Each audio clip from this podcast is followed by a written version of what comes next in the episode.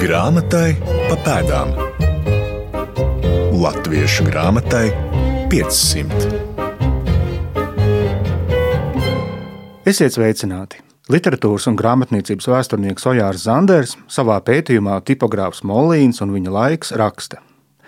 Molīns, protams, bija vidusmēra tipogrāfs, un mēs nesalīdzināsim viņu ar šīs profesijas izcilākajiem pārstāvjiem tā laika Eiropā, ar grāmatu iespējējiem, kuru vārdus saglabājušas kronikas un kuru attēli skatāmi gravīrās un gleznās.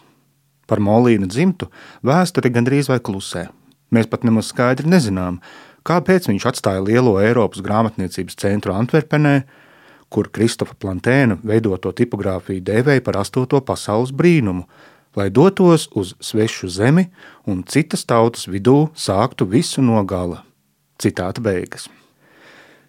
Mans vārds ir Toms Strēbergs, un ja pagājušajā raidījuma epizodē mana kolēģa Laima Slava kopā ar Andriu Levānu un Gustavu Strēngu izzināja grāmatniecības gaitas pirms Molīna darbības, tad šoreiz pievērsīsimies tieši tai – Un iesākums mūsu ceļojumam meklējums vecerīgā, kā to norāda Latvijas Universitātes Akademiskās bibliotēkas rokrakstu un reto grāmatu nodaļas vadītāja Aija Taimiņa. Grāmatai pa pēdām.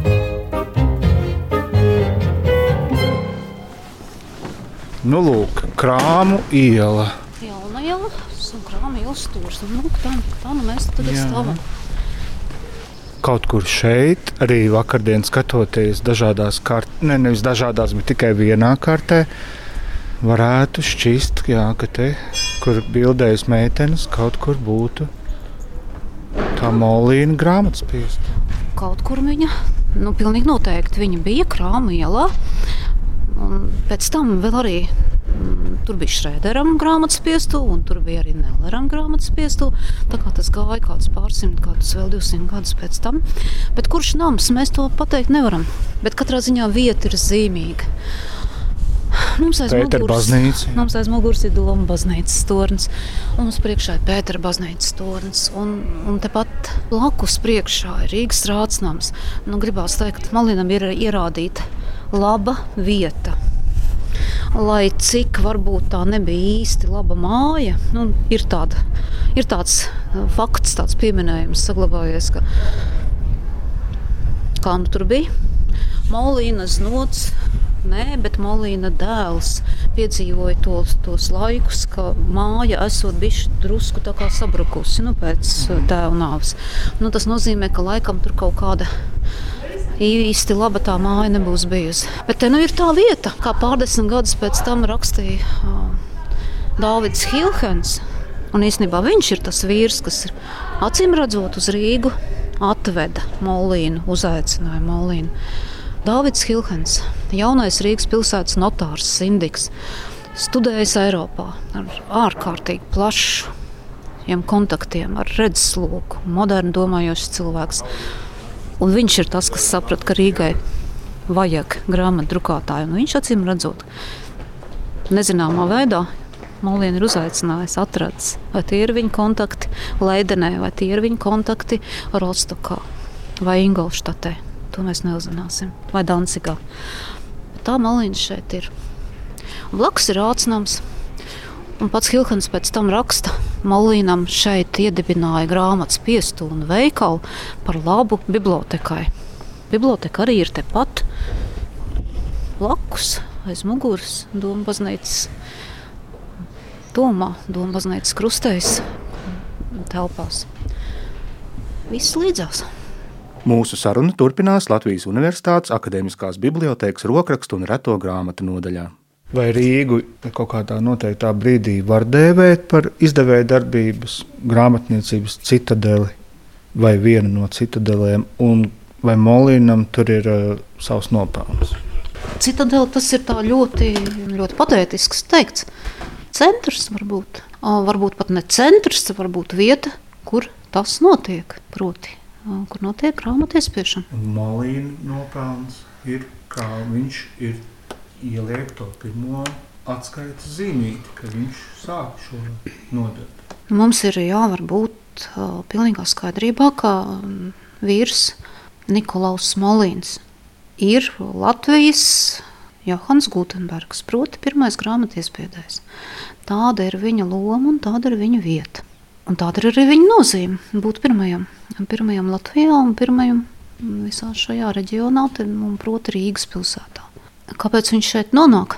Mm, literatūrā parasti to apzīmē ar tādu diezgan nosacītu izteikumu. Malīns ieradās Rīgā 1588. gada pavasarī. Jāsaprot, ir, ka Molīns acīm redzami atbrauc ar kādu no pirmajiem kuģiem, tad, kad ūdens jau ir kuģojams, kad jūra jau ir kuģojama, un viņa ceļš līdz Rīgai ir diezgan noslēpumains. Vispār par Molīnu pašu mēs zinām visai maz. Un visdīvainākais ir tas, ka līdz pat 20. gadsimta 20. un 30. gadiem valdīja pilnīga pārliecība, ka Nikolaus Malins ir vācietis un ieradies Rīgā acīm redzam no kādas no Vācijas pilsētām, varbūt no Vitsenburgas, varbūt no Lībekas vai Rostokas vai, vai Hamburgas. Grūti pateikt, un tad flāmu pētnieki nonāca pie skaists secinājums, ka pirms Rīgas Nikolaus Molīns ir bijis Niklās vai Klās Molīns, un viņš nāk no Antverpenes un viņš ir flāms. Un, acīm redzot, pieder pie flāmu kalvinistiem. Pie tiem viņš ir bēglis. Viņš ir 16. gadsimta 80. gadu bēglis, kuram ir nācies savas pārliecības dēļ atstāt Antverpenes pilsētu, tad, kad tajā ienāk spāņi, katoļi un Antverpenes kalvinistiem, protestantiem ir divas izvēles. Vai nu kļūt par katoļiem, vai nu atstāt sev, savu zemi un savu valsti. Un Molīns ir viens no tiem. Viņš nāk no grāmatiespēdēja dzimtas. Tas ir ļoti parasts ceļš, kad bērni pārņem savu vecāku amatu. Viņa tēvs ir bijis grāmatiespēdējs, viņš ir bijis arī tā saucamais zīmogu griezējs klišeju griezējs. Nu, Tātad nodarbojas ar kādiem grafikas darbiem un, un kogriezumu izgatavošanu. Niklās Smolīns Antverpenes laikā Acīm redzam, amats ir mācījies pie viena no visizcilākajiem visu laiku Eiropas grāmatu iespiedējiem, pie Kristofla Plantēna Amsterdamā. Bet, nu, teiksim tā, viņa mācekļu gadi tur ir pagājuši. Nu, un tad nāk šī šķirtne, un Malīns atstāja Flāmu zemi. Un ceļa galā ir Rīga. Artefakta gaismā. Par leģendāru Nikolausa Molīnas piestuvē izdotu gravīru, kuru glabājas Rīgas vēstures un kuģniecības muzejā, grafikas kolekcijā, stāsta mākslas vēsturniece Rīgas vēstures un kuģniecības muzeja mākslas kolekciju glabātāja Inga Karlštrēma. Grafikas priekšmetu glabātuvā atrodas senākais Rīgas pilsētas lielformāta panorāmas attēls, gravīra Heinricha Tūma un tipogrāfa Nikolas Molīna 1612. gada kopdarbs, kurā Rīgas pilsēta ir attēlota skatā no Daugavas puses. Muzeja krājumā glabājas arī pats senākais Rīgas panorāmas attēls no 16. gadsimta vidus, un savos izmēros tas nesasniedz pat sprīžu platumu. Tad salīdzinājumam šis molīna tipogrāfijā iespiestais attēls platumā pārsniedz jau metru. Šis attēls 17. gadsimtā visdrīzāk kalpoja reprezentatīviem mērķiem, un tolaik apritē visdrīzāk bija vairāki šīs svara gravīras novilkumi. Mūsdienās gan ir zināms eh, tikai viens šīs gravīras eksemplārs, kas tapis kā novilkums no ordināla, un šis vienīgais eksemplārs pieder Rīgas vēstures un kuģniecības muzejam. Muzeja kolekcijā šis unikālais priekšmets atrodas jau kopš Himzela muzeja laikiem. Šī gravīra 1883. gadā tika izstādīta Rīgas lielās ģildes telpās rīkotajā Rīgas kultūra vēsturiskajā izstādē.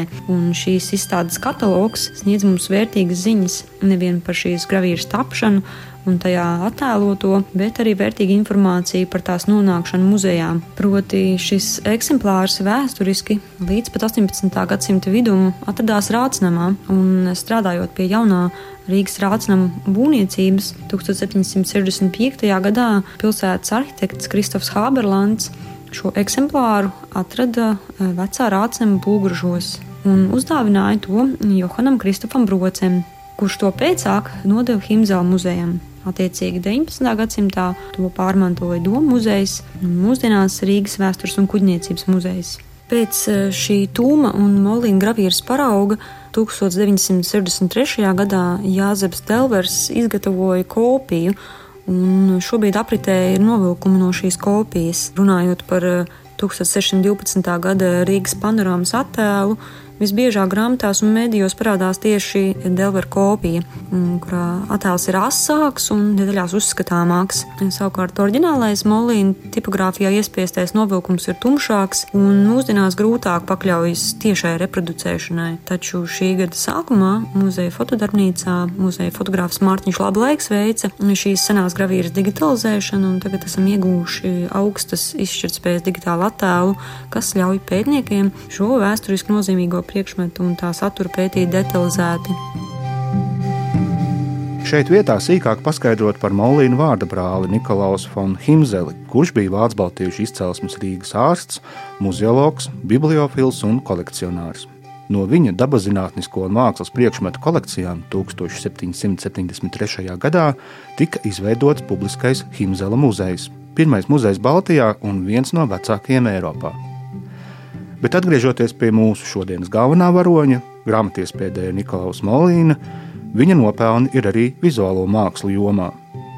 Savukārt Tūma un Molīna kopdarbs Rīgas panorāmas gravīra tiks publicēta mākslas vēsturnieka Latvijas Mākslas akadēmijas emeritētā profesora Eduarda Kļaviņa redakcijā topošajā Latvijas mākslas vēstures sējumā, kas būs veltīts viduslaiku periodam. Grāmatai pa pēdām. Turpinājumā Latvijas Universitātes Akademiskajā bibliotekā kopā ar Aiju Taimiņu iepazīstam atsevišķas epizodes no Molīna devuma grāmatniecībā, jo liela daļa no tā aizceļojusi uz Latvijas Nacionālo bibliotēku, kur tas tiks digitalizēts. Un šīs iepazīšanās sākuma posmā ieraugu kaut ko ļoti pazīstamu, proti, tipogrāfijas paveidu un izkārtojumu, par kuru stāstīju raidījuma epizodē, kas bija veltīta Rīgas breviāriem. To varat noklausīties gan Latvijas rādio raidījuma kopnē, Latvijas sabiedrisko mediju portālā LSM.CLV, kā arī jaunajā Latvijas rādio lietotnē. Bet vispirms manu uzmanību piesaista paša Molīna rokraksts. Šis ir ļoti īpašs. Šeit Tas ir vienīgais Molīna autogrāfs, ko mēs šobrīd varam parādīt. Nu, tā tiešām ir artefakta gaisma. Johannī Mairo de... Dedit Dedit. Nikolaus Molīnus. Nikolausam Molīnam ir bijis skaists kaligrāfisks rokraksts. Nešaubīgi. Viņš ir bijis acīm redzami izglītots un prasmi un daudz rakstošs cilvēks ar tādu veiklu, brīvu roku. Un Nikolaus Molīns ir ļoti vēlējies kungam Oto Kannem, Rīgas rādskungam, dāvināt šādu grāmatu, savu drukas darbu, nepārprotam cerot uz kādu labvēlības sīm turpmāk vai pašlaik, vai uz kādu um, nelielu atalgojumu Dalderu veidā. Jo tipogrāfijai vajag naudu. Pāris gadu desmitus vēlāk Molīna pēctecis saka, ka tipogrāfijas iekārtošanai vajag vismaz tūkstošu dalderu, bet Rīgas rāta ir Molīna atalgo visai pieticīgi. Viņam tiek piešķirti simt dalderi gadā. Tas nav ļoti daudz. Pārējo viņam būtu jāvar sagādāt pašam. Viņš brauc uz grāmatu tirgiem, Acīm redzot, arī tur Rīgas produkcija parādās ar kādiem panākumiem. Grūti spriest, bet kaut vai tas, ka dažas Rīgas grāmatas atrodas šur un tur Eiropas bibliotekās, liecina, ka nu, grāmatas tomēr ir savus īpašniekus atraduši arī ārzemēs. Malīna izdevuma. Bet galvenais ir vietējais tirgus. Un Malīns drukā kalendārus, dažādus kalendārus.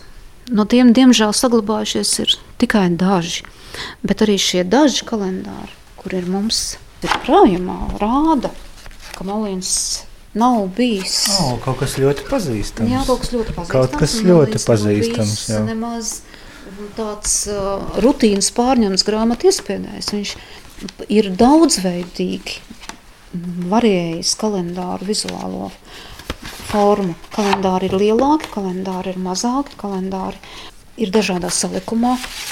Malins ir cilvēks, kas acīm redzot, pieprot. Mēs esam skatījušies. Mēs esam skatījušies, bet tad Jā, mēs viņu paskatāmies ar jaunām acīm. Mēs ieraugam no, Molīnu. Ar papildinātām acīm. Mēs ieraugam Molīnu kā grāmatu iespēdēju, nevis kalendāru kā drukas darbu. Jā, kā mēs toreiz runājam par Rīgas breviāru. Jā. Jā. Un Molīna kalendāram e, ir ļoti liela nozīme šim 1590. gada vajadzībām domātajam kalendāram. Tā titulapā redzam Rīgas panorāmu, ko griezums neliela klišē. Nu, atcerēsimies, ka Malins pats nāk no formu griezēju dzimtas.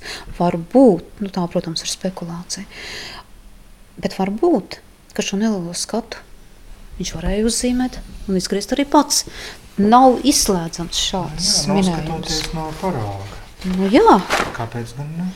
paskatoties uz Rīgas pilsētu un paskatoties uz aprobētiem labiem patīk. Un vēl viens nolēma kalendārs. Pavisam citādāks. Ļoti maziņš kalendārs, kabatas formāta kalendāriņš. Arī tas ir bijis pie viņa dabūnams un domāts jau 1591. gadam. Kalendāri, apsveikumi, traktāti, runas, polemika, skolas grāmatas puikiem, kas mācās latīņu valodu. Aija Taimiņa man norāda zīmīgu detaļu. Molīna laika biedru, visticamāk Rīgas birģermeistaru jeb rādskungu, koka figūru kvartetu, kurš ieraugāms Rīgas doma ērģeļu frontonā. Lai par šo svarīgo grāmatzīmi pastāstītu sīkāk, Rīgas doma pārvaldnieks Kaspars Upītis man iepazīstina ar doma atjaunošanas vadītāju Ronaldu Lūsi. Nostājoties pret ērģeļu korpusu, sākam risināt sarunu par šo nozīmīgo Niklaus Molīna laiku raksturojošo tēlu atveidojumu nozīmīgumu. Svarīgi piebilst, ka Rīgas doma ērģelis ir otrās lielākās ērģelis Latvijā, savukārt vislielākās nepārbūvētās mehāniskās ērģeles ne tikai Latvijā, bet arī visā pasaulē atrodas Liepājā, Svētās Trīsvienības baznīcā. Svarīgā grāmatzīme. Šobrīd mēs par vēstures liecībām un personībām varam uzzināt no fotografijām, nu, bet šī ir pirms fotografijas laika liecība. Kā jūs to raksturojat? Jā, jā, tas ir ļoti precīzi teikts, ka tā ir pirms fotografijas laika liecība. Tie tēli, kā redzams, ir ļoti detalizēti. Viņi ir ļoti nu, personiski attēloti. Un, uh, tur ir četri burbuļsakti. Viņi ir aptuveni 26 metru augstumā, labi 25, 24 metru augstumā. Redzat, tur pašā augšā vidējā turnītī četras figūriņas. Ja? Un uh, ļoti filigrāns darbs ar visām podziņām, ar visiem cimdiņiem, ar visiem sejas saistēm. Diemžēl ir tā, ka izpētes laikā ir atšifrēts tikai viens no viņiem. Tas ir Nikolais Foneke, par kura teiksim, tēlu nav šaubu, ka tas ir viņš, kas tur ir attēlots. Un, protams, nu, Nikolais Foneke domā ir atrodams vairākās vietās, ne tikai Nērģeļa prospektā, bet Reku tieši pretim vitrāžā jūs redzat, tas kungs, kas stāv blakus Zviedrijas karalim un atdod Rīgas pilsētas atslēgas. Tas ir viņš pats. Ja? Un tur stūrī aiz tās sētiņas ir viņa kapa piemineklis. Proti, nu, tas dzīves posms, kad Ekas kungs darbojās Rīgā, viņš ir Rīgas birģermeistars Rīgas pilsētā, ir teiksim, tā, aizraujošs ar dažādiem nemieriem un grūstīšanos, kas beidzās ar dažādu veidu nāves sodiem. Ja? Tā skaitā, nu, Ekas kungs ir viens no viņu dalībniekiem šajos notikumos, kā pilsētas tātad, rātas pārstāvs. Ja? Nu, un, protams, tur ir tas stāsts, kāpēc ir Ekas piemineklis aiz sētas, jo rīznieki pēc viņa nāves to pieminiektu izdemolēja. Vēl viena variācija, bet drīzāk spekulācija par vienu no šiem tēliem, kā man Aija Taimiņa minēja. Varbūt arī Kaspars Fonhofe varētu būt viens no viņiem. Skaidrs ir viens, ka visticamāk tie ir četri rādskungi. Jo, teiksim, ja mēs skatāmies uz to ērģeļu būvniecības vēsturi, Molīna litogrāfija, vecais domu turnis, gotiskais turnis, kurš nodeg kopā ar ērģelēm. Pēc tam ir tas klusuma periods, un tad teiksim, parādās, ka tajā 1598. gadā tiek ziedots tas dēlis, teiksim, tai torņa būvniecībai, un ir šī nauda, kas ir jauno ērģeļu būvniecībai, kas tiek pabeigta 1601. gadā, ko rāps uzbūvē. Un kādu pusi, nu, tā, kad ir šī būvniecība pabeigta, ir tādas domas rātas. Jā. Ziņojums, kur viņi saka, mēs uzcēlām šīs ērģeles pilsētai un tam kungam par godu, un mēs pieņēmām darbā ērģelnieku, kurš spēlēs teiksim, šo te mūziku, dievkalpojumos un arī citos svinīgos pasākumos. Tas ir nu, pilsētas rātes stipri finansiāli atbalstīts pasākums. Visticamāk, tie ir arī rādskungi, kas tur ir attēloti. Bet, um, kā, to, ka tur ir kādi konkrēti tēli, par to īstenībā nav šaubas, jo viņi ir ārkārtīgi personiski. Nu, tā nebūs tāda sagadīšanās, ka nu, viens tēls ir nolasāms perfekti, ne? un pārējie ir anonīmi. Teiksim, tas darbs varbūt nav līdz galam izdarīts, varbūt kāds no vēsturniekiem tiks līdz tam. Mēs domājam, ka arī šie divi tās kunga un kundzes figūras zem mazā prospekta, kas ir pašā apakšā starp torņa apakšējām daļām. Tur ir divas arī ļoti personiskas figūras, ka tie arī nav anonīmi tēli. Tie arī visticamāk ir ziedotāji. Vienkārši šī informācija nav saglabājusies un nav atšifrēta. Tie neapšaubām tie nav nu, vispārīgi kaut kādi cilvēki. Tie ir cilvēki ar konkrētu domu un ar konkrētu saistību.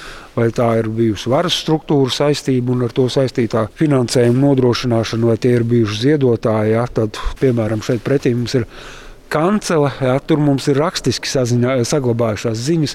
Arī Rādskungs, tas ir mazliet vēlāk, 1641. gadā, kad Rādskungs ir ar savu kundzi ziedojis naudu šīs kanceles izveidošanai. Tas ir rakstiski saglabājies, bet viņu pašu, protams, šī kancelē mēs šajos tālos nav. Nu, tad te iespējams ir pretēja situācija, kad ir tiešām tēli, bet nu, rakstisku ziņu mums nav. Jā, tā nu tas ir.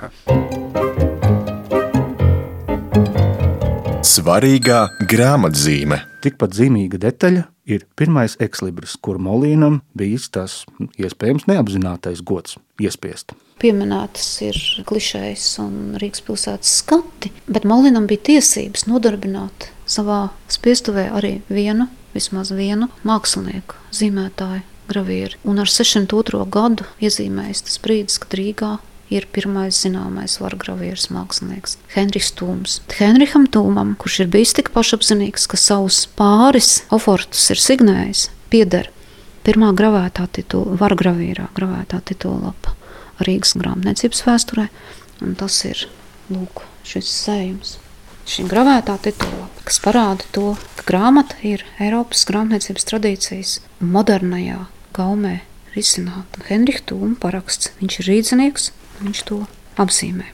Un viņš prot veidot greiznas, kaligrāfiski, heraldiskas kompozīcijas. Un Henrikam Tūmam ir jāpasaka paldies arī par to, ka viņš ir radījis pirmo ekslibru Rīgas vēsturē. Un tas ir atkal tas pats 1602. gads. Grezna, ļoti komplicēta, heraldiska kompozīcija. Fonhofu dzimtai. Mm -hmm. Jaspers vai Kaspars Fonhofs 1601. gadā un 602. gadā ir Rīgas birģermeistars. Tā ir Patrīciešu dzimta. Kasparam Fonhofam acīm redzot ir piederējis šis rokraksts, un tās ir Rīgas tiesības. Tad Rīgas šrehta. Un domājot par to, par tiem četriem rādskungiem, kas mums gaida Rīgas domu ērģeļu prospektu virsotnē, man gribās ļoti izteikt minējumu, vai viens no tiem nav Kaspars un Hofs, birģermeistars, kura grāmata, kura Rīgas tiesība rokraksta krājums ar Rīgas pirmo ekslibru ir mūsu priekšā šeit. Un Rīgas vēstures aina kļūst dzīva. Ar mūzikas palīdzību. Arī ar mūzikas palīdzību, ar rakstu palīdzību, ar attēlu palīdzību, ar gravīras, ar iespiestu vārdu palīdzību. Visbeidzot, vēl viens citāts no Jāra Zandera grāmatas, tipogrāfs Molīns un viņa laiks. Cicerons, viens no senatnes dižgariem, autors, kuru izdevis arī Molīns, sacījis, ka darbs ar grāmatām veldzējot jaunību, izklaidējot vecumu, graznojot laimi, dodot patvērumu un mierinājumu nelaimē, priecējot mājās un netraucējot arī ārpus tām. Lūk, cik lielisku arodu bija izvēlējies pirmais Rīgas tipogrāfs. Tas ir viņa nopelns, ka tolaik vēl visai merkantīlajā ostas pilsētā Rīgā vairojās garīgās vērtības.